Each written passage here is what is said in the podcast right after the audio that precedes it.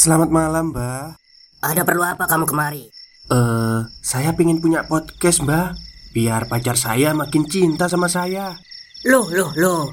Mau bikin podcast kok tanya dukun? Sekarang kamu download aplikasi Anchor.fm. Di situ kamu bisa buat podcast gratis dan podcast kamu bisa didistribusikan ke platform mana pun. Dan di aplikasi atau website Anchor.fm juga terdapat fitur-fitur yang memudahkan kamu untuk membuat podcast. Oh, gitu ya, Mbak.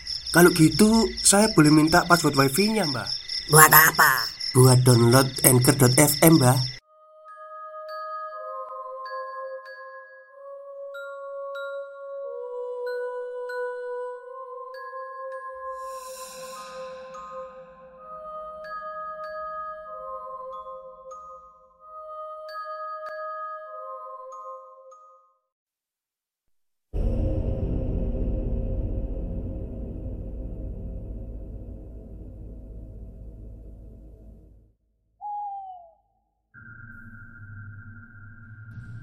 Assalamualaikum warahmatullahi wabarakatuh. Halo semuanya Jumpa lagi dengan saya Chow Sing Sing Kurator dari Podcast Horror Night Story. Halo, apa kabar semuanya? Semoga kalian baik-baik saja ya. Dan seperti biasanya Pada malam hari ini saya kembali dan akan membawakan sebuah kisah mistis untuk kalian semua. Kisah mistis kali ini saya datangkan dari tweet Twitternya Mas Agil R. Saputra.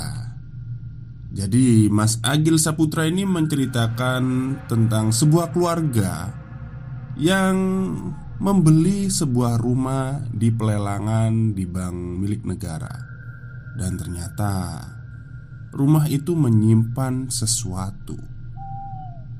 Seperti apa kisahnya? Mari kita simak.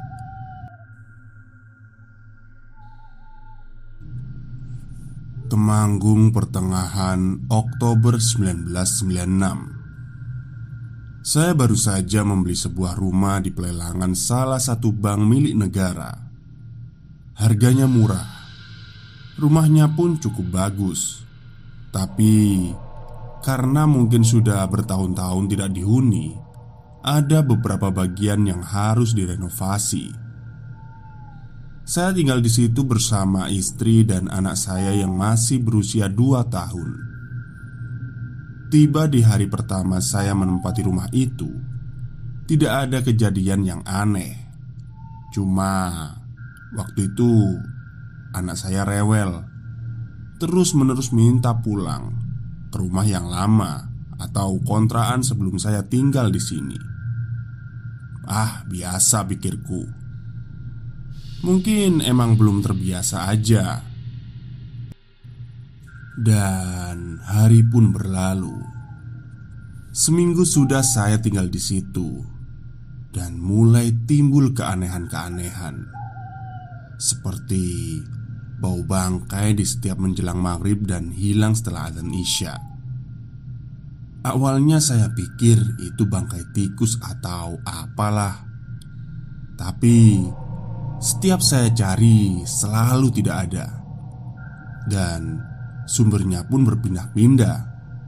Kadang dari ruang tamu, kamar, dan kamar mandi. Tapi waktu itu saya nggak mau berpikir macem-macem saya pun mencoba untuk tidak memperdulikannya. Pernah suatu hari saya pulang kerja, anak saya ngomong, "Pak, mau onok momok bubuk kamar atau Pak tadi ada hantu tidur di kamar dengan logat cadelnya.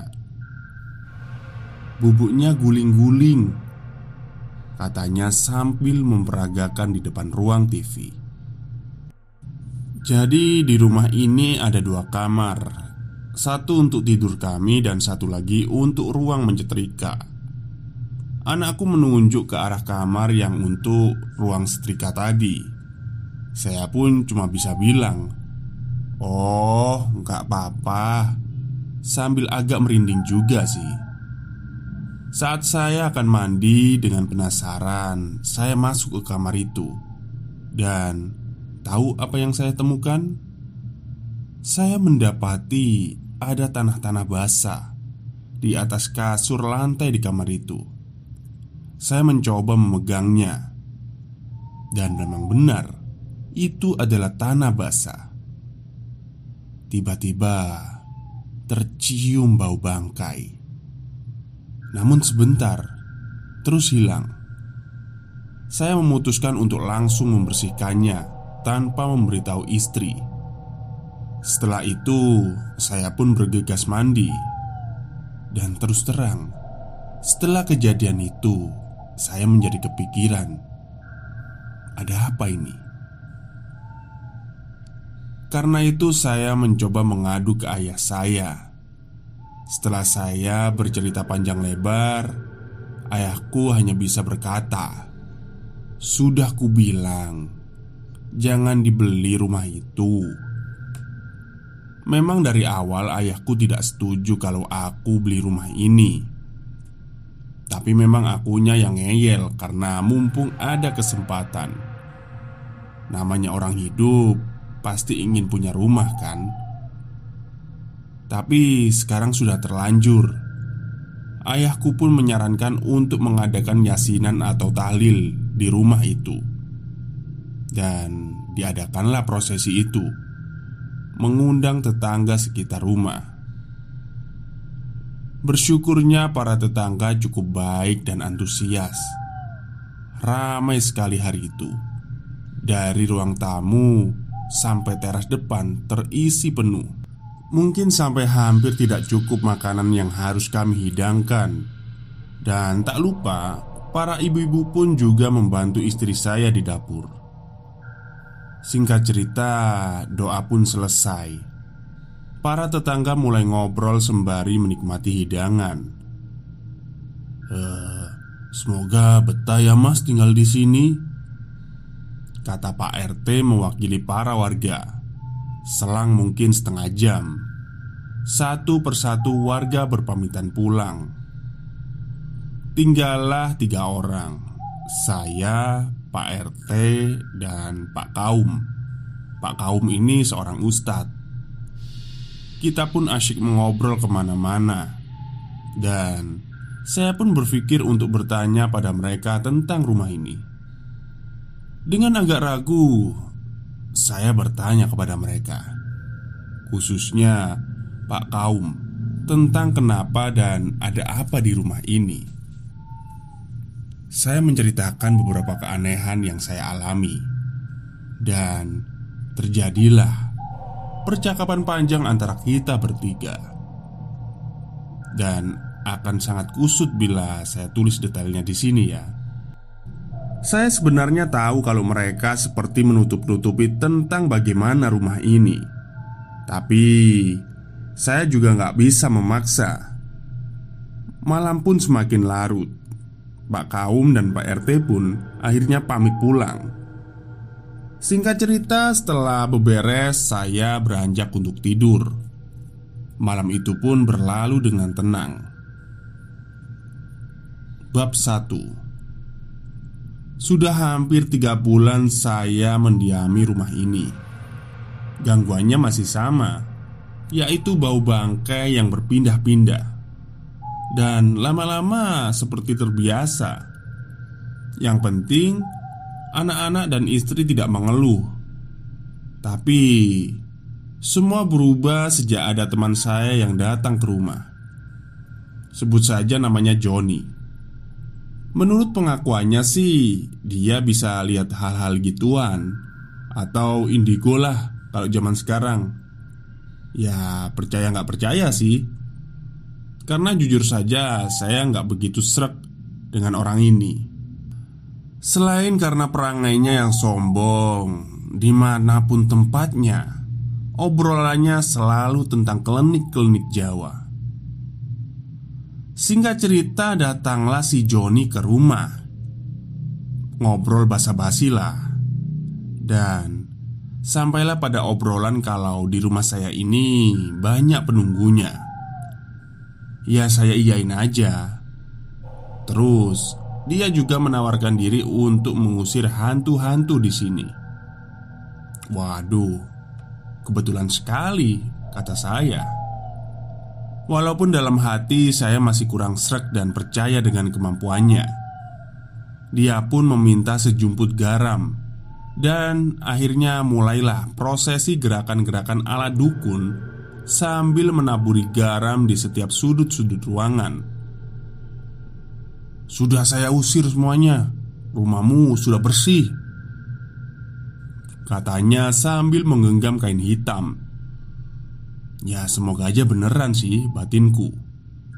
Singkat cerita Joni pun pulang dan malam pun tiba.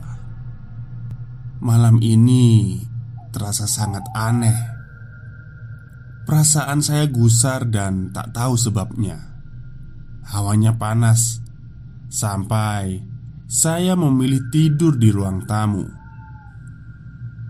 Waktu itu tengah malam saat saya mulai tertidur, ada suara yang membuat saya terjaga lagi.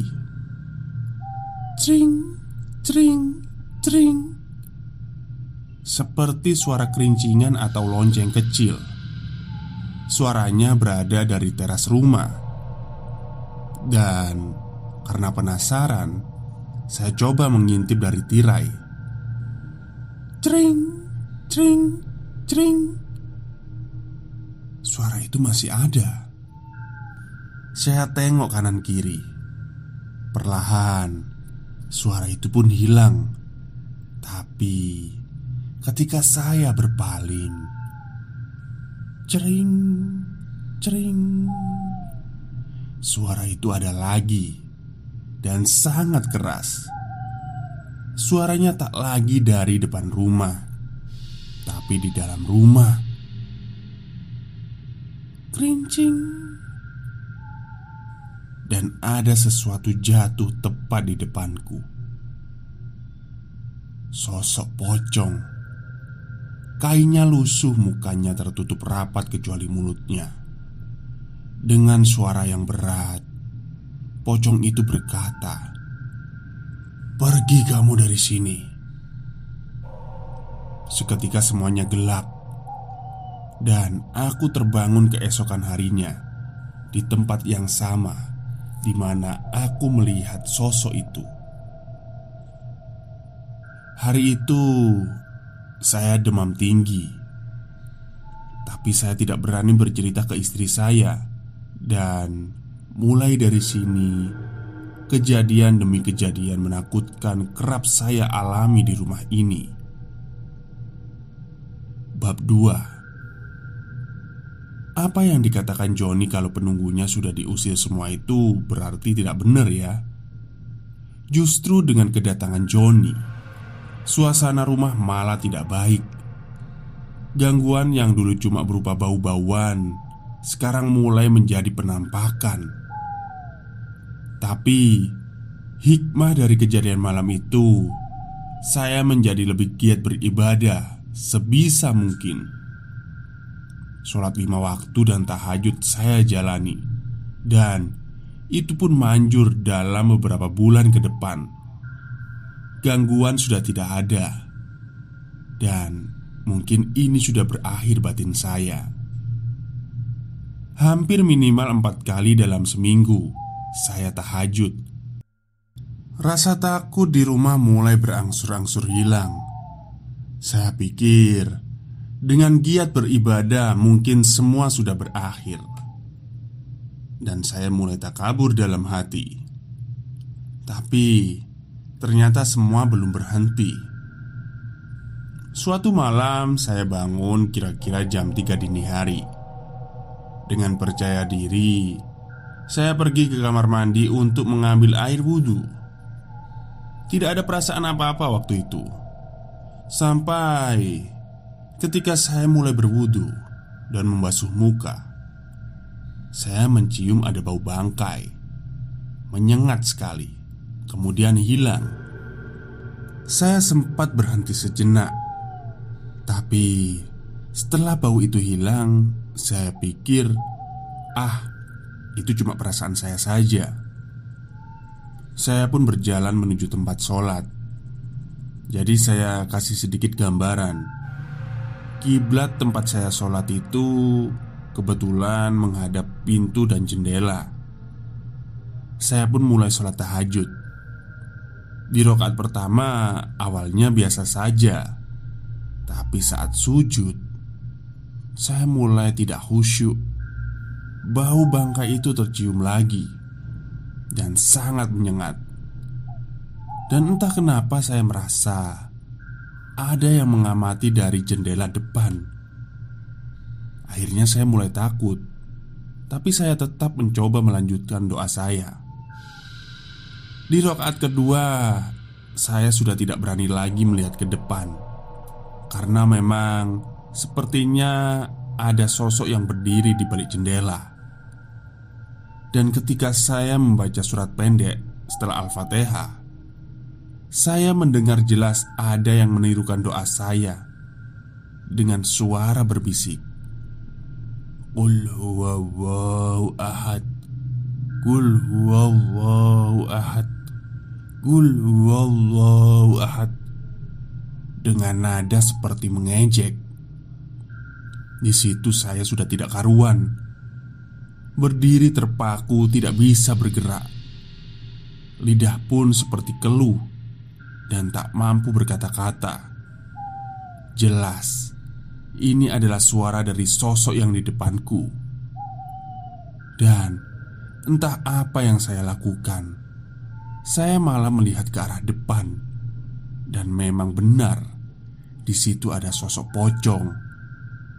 Sosok itu terus mengucapkan kata Kul huwallahu ahad Kul huwallahu ahad Sambil menggerakkan kepalanya seperti mengejek. Stop, stop. Kita break sebentar. Jadi gimana? Kalian pengen punya podcast seperti saya? Jangan pakai dukun. Pakai Anchor. Download sekarang juga. Gratis. Suaranya semakin jelas dan berteriak. Kul huwallahu ahad Dengan kepala yang digoyang-goyang seperti mengejek. Entah berapa lama itu Akhirnya saya merobohkan diri Sambil menutup mata. Dalam hati saya berdoa sebisanya Dan Suara maupun sosok itu perlahan hilang setelah adzan subuh. Bagian 3 Sudut pandang Mbak Yanti. Jadi Mbak Yanti ini istrinya dari Pak Harto ya Yang tadi cerita awalnya itu. Oke kita lanjut. Sebenarnya Dari awal kami menempati rumah ini Aku sudah mengalami hal-hal yang tidak wajar. Cuma Aku tidak cerita sama suami. Ya takutnya bikin dia kecewa. Karena beli rumah itu juga gak mudah. Seperti di malam pertama aku tidur di rumah ini Aku bermimpi didatangi sosok pocong. Sebenarnya aku juga masih bingung sih Karena itu terlalu nyata untuk sebuah mimpi. Sampai akhirnya aku memutuskan itu bukan mimpi biasa. Jadi gini ceritanya. Malam itu kami lelah tentunya. Baru saja pindahan. Barang-barang pun masih belum tertata dengan rapi. Setelah menidurkan si kecil, kami lanjut menata barang-barang. Sampai agak malam dan kira-kira jam sebelasan, kami berdua mencium ada bau bangkai. Sangat busuk. Aku kira sih bangkai tikus ya. Karena sangat mengganggu, aku dan suami mencoba mencarinya.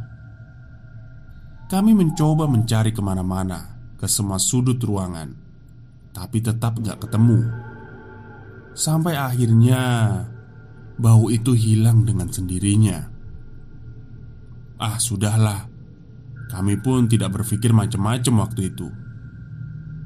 Karena lelah Kami pun memutuskan untuk tidur. Nah Dalam tidurku aku bermimpi. Ada sosok wanita tua yang sedang mendekati anakku.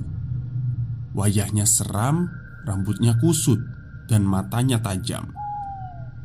dia mengelus-ngelus kepala anakku. Dan dalam mimpi itu, anakku nangis. Tiba-tiba saja sosok wanita itu mengeluarkan sebuah arit atau sabit, seperti hendak melukai anakku. Aku pun spontan meraih anakku dan berlari menjauh. Dalam mimpi itu, kakiku terasa berat sekali untuk lari. Pokoknya, sembari aku menjauh, sesekali aku menengok ke belakang, dan dengan aneh, sosok wanita tua itu perlahan berubah menjadi pocong dan terus mengejarku. Tiba-tiba saja di situ ada suamiku dan meraih anakku. Tapi pocong itu masih terus mengejar. Sampai akhirnya aku terjatuh dan pocong itu menindih dadaku. Wujudnya dipenuhi tanah-tanah yang menempel. Wajahnya tertutup kain. Hanya mulutnya yang terlihat. Dia tertawa-tawa sambil menggeliat seperti berjoget di atas dadaku. Sangat mengerikan dan aku pun sulit untuk bernafas. Dan saat aku bangun, ternyata memang benar Pocong itu berdiri di atas dadaku Kepalanya menghadap ke bawah Menggeliat sampai tanah yang menempel di kain-kainnya berjatuhan di wajahku. Aku mencoba berteriak tapi tidak bisa. Akhirnya aku berdoa sebisanya. Aku pun terbangun dan melihat anakku yang tadinya tidur Sekarang sudah duduk di lantai dan menangis. Ah, Mimpi ini terasa sangat nyata bagiku Dan ini bukan mimpi biasa Bab 4 Setelah kejadian itu aku memutuskan untuk tidak bercerita kepada suamiku. Walaupun sebenarnya Aku tidak akan betah tinggal di rumah ini. Tapi di sisi lain Aku tak ingin mengecewakan dia Karena kami juga sudah terlanjur mengeluarkan uang yang tidak sedikit Untuk membeli rumah ini. Dan benar saja, aku akan melewati hari-hari yang tidak wajar di rumah ini. Dan yang paling sering terjadi adalah adanya ceceran-ceceran tanah basah di lantai. Panjang, bahkan kalau diurutkan bisa sampai teras depan dan sampai pekarangan belakang. Dan selalu berhenti di dekat sumur yang sudah tidak terpakai di belakang rumah. Jadi ya saya sapu aja dan pernah juga ada kejadian aneh di siang hari.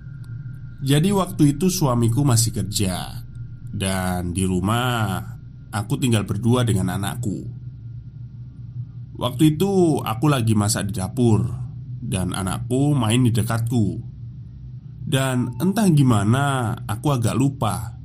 Tiba-tiba anakku hilang. Awalnya cuma aku panggil-panggil Tapi kok nggak nyaut? Dan akhirnya aku pun mulai mencari. Dari depan kamar-kamar kok nggak ada? Sambil aku panggil-panggil dan di situlah aku mulai panik. Aku keluar rumah mencari di jalan depan rumah Dan ternyata juga nggak ada. Aku pun kembali ke dalam rumah Dan ke belakang. Aku matikan kompor Dan aku mendengar ada suara berbisik dari pekarangan belakang rumah. Setelah itu, aku lihat anakku ada di situ lagi, main-main dengan tanah. Yang aneh di sini adalah pintu menuju pekarangan itu tertutup rapat, dan anakku yang masih kecil tentu tidak bisa meraih gagang pintu itu. Dan kalaupun bisa, tentunya aku bisa dengar suaranya. Toh posisi pintu itu juga dekat dapur Dan keanehan yang kedua Jalan antara pekarangan menuju sumur itu ada gap Berupa rerumputan yang seperti tumbuhan putri malu yang berduri Serta ilalang yang tingginya hampir sama dengan anakku Bagaimana bisa anakku di situ? Saking takutnya Sejak saat itu kalau suamiku belum pulang Aku nggak berani di rumah Aku lebih memilih main ke tempat tetangga atau pulang ke rumah mertua. Baru sorenya Suamiku jemput aku dan anakku. Kebiasaan itu bertahan cukup lama. Sampai-sampai rumah itu cuma hanya tempat untuk tidur saja. Jarang sekali aku melakukan keseharian di sana kalau suamiku belum pulang. Tapi ya mau sampai kapan seperti ini terus Sampai suatu malam Waktu itu hujan deras. Kami sedang menonton televisi berdua. Anakku sudah tidur. Tiba-tiba kami berdua mencium bau bangkai bercampur anyir. Kami berdua pun saling menatap, menengok kanan kiri ke belakang, dan tepat di belakang tikar yang kami duduki ada ceceran tanah lagi. Suamiku berdiri, aku pun meraih tangannya. Kita berdua berjalan mengikuti ceceran tanah itu dan setelah diikuti, ceceran tanah itu berhenti di pintu menuju pekarangan belakang. Kita pun juga berhenti dan saling menatap. Dengan satu tangan, suamiku memegang gagang pintu itu, dan tanpa aba-aba, suamiku membuka pintu itu. Tiupan angin dan suara hujan terdengar keras dan apa yang kita lihat? Ada sosok pocong yang tengah duduk di sumur itu, sembari menggoyangkan kakinya. Kami terpaku tidak bisa bergerak, dan pocong itu berkata, "Mau apa kamu?" Suaranya bersamaan dengan kerasnya hujan, tapi terdengar sangat keras.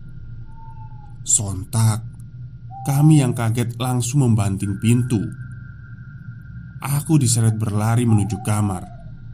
Di situ aku menangis, bingung, takut dan campur aduk. Kita berdua meringkuk ketakutan di kamar sampai hujan reda. Kira-kira jam setengah dua malam, kami berkemas membangunkan si kecil dan pergi ke rumah mertua malam itu juga. Sejak kejadian itu, kami berdua saling terbuka. Ternyata kami berdua sama-sama diganggu oleh pocong itu. Kami pun bercerita kepada orang tua kami, yang ternyata mereka juga sudah tahu karena suamiku pernah bercerita lebih dahulu. Aku dan suami juga sempat ingin menjual lagi rumah itu, tapi nggak dibolehin sama mertua. Katanya kalau kita menjual rumah itu, berarti kita kalah, dan kita tidak boleh kalah. Akhirnya, aku dan suami serta bapak mertua mencari solusi atas apa yang terjadi, dan atas saran dari bapak mertua, kami mendatangi salah satu kiai yang namanya cukup besar di Temanggung kala itu. Singkat cerita datanglah Pak Kiai bersama beberapa santrinya. Di situ kita mengadakan doa-doa dan aku merasakan sendiri saat prosesi doa, bau bangkai itu tercium lagi, berkutat mengelilingi kami. Setelah itu tiba-tiba ada suara seperti ledakan dan bau pun hilang beberapa saat setelah itu. Doa pun selesai. Pak Kiai meminta para santrinya untuk pulang duluan, dan tinggallah kami berempat. Ternyata Pak Kiai ingin menunjukkan sesuatu. Dia meminta sebuah linggis dan mengajak kita semua berjalan menuju sumur itu. Tepat di depan, beliau menyuruh kami untuk menjadi saksi. Beliau pun menyuruh suamiku untuk menghancurkan lantai semen di depan sumur itu. Dan kalian tahu apa yang kita temukan di balik lantai itu? Sebuah boneka berbentuk pocong, seukuran jengkal orang dewasa. Dan setelah dibuka, berisi gumpalan rambut yang panjang dan sebagian sudah memutih. Setelah itu, barang itu dibakar oleh Pak Kiai dan menurut pandangan spiritual beliau, boneka itu sengaja diletakkan oleh pemilik pertama rumah ini. Mungkin karena sakit hati ya Karena rumahnya disita oleh bank Dan berharap agar tak ada yang bisa betah tinggal di rumah ini Alhamdulillah setelah itu Kami bisa tinggal lagi di rumah itu Dan tidak ada gangguan sama sekali. Kami pun tinggal di rumah itu bertahun-tahun. Tapi sayang Di tahun 2001 Karena alasan pekerjaan suamiku Kami harus pindah Dan rumah itu terjual lima tahun kemudian di tahun 2006 Oke, terima kasih kepada Mas Agil Saputra atas tweetnya ya. Sebenarnya sangat menyeramkan ya kalau dibaca malam-malam atau didengarkan malam-malam. Dan Saya mohon maaf kemarin itu tidak upload yang masalah mainan Ani ya. Mungkin nanti malam saya upload. Jadi karena kemarin itu Ya ada suatu urusan yang tidak bisa saya tinggalkan Akhirnya ya mau gimana lagi karena sangat urgent ya untuk keluarga. Oke mungkin itu saja yang bisa saya sampaikan pada malam hari ini. Kurang lebihnya saya mohon maaf. Wassalamualaikum warahmatullahi wabarakatuh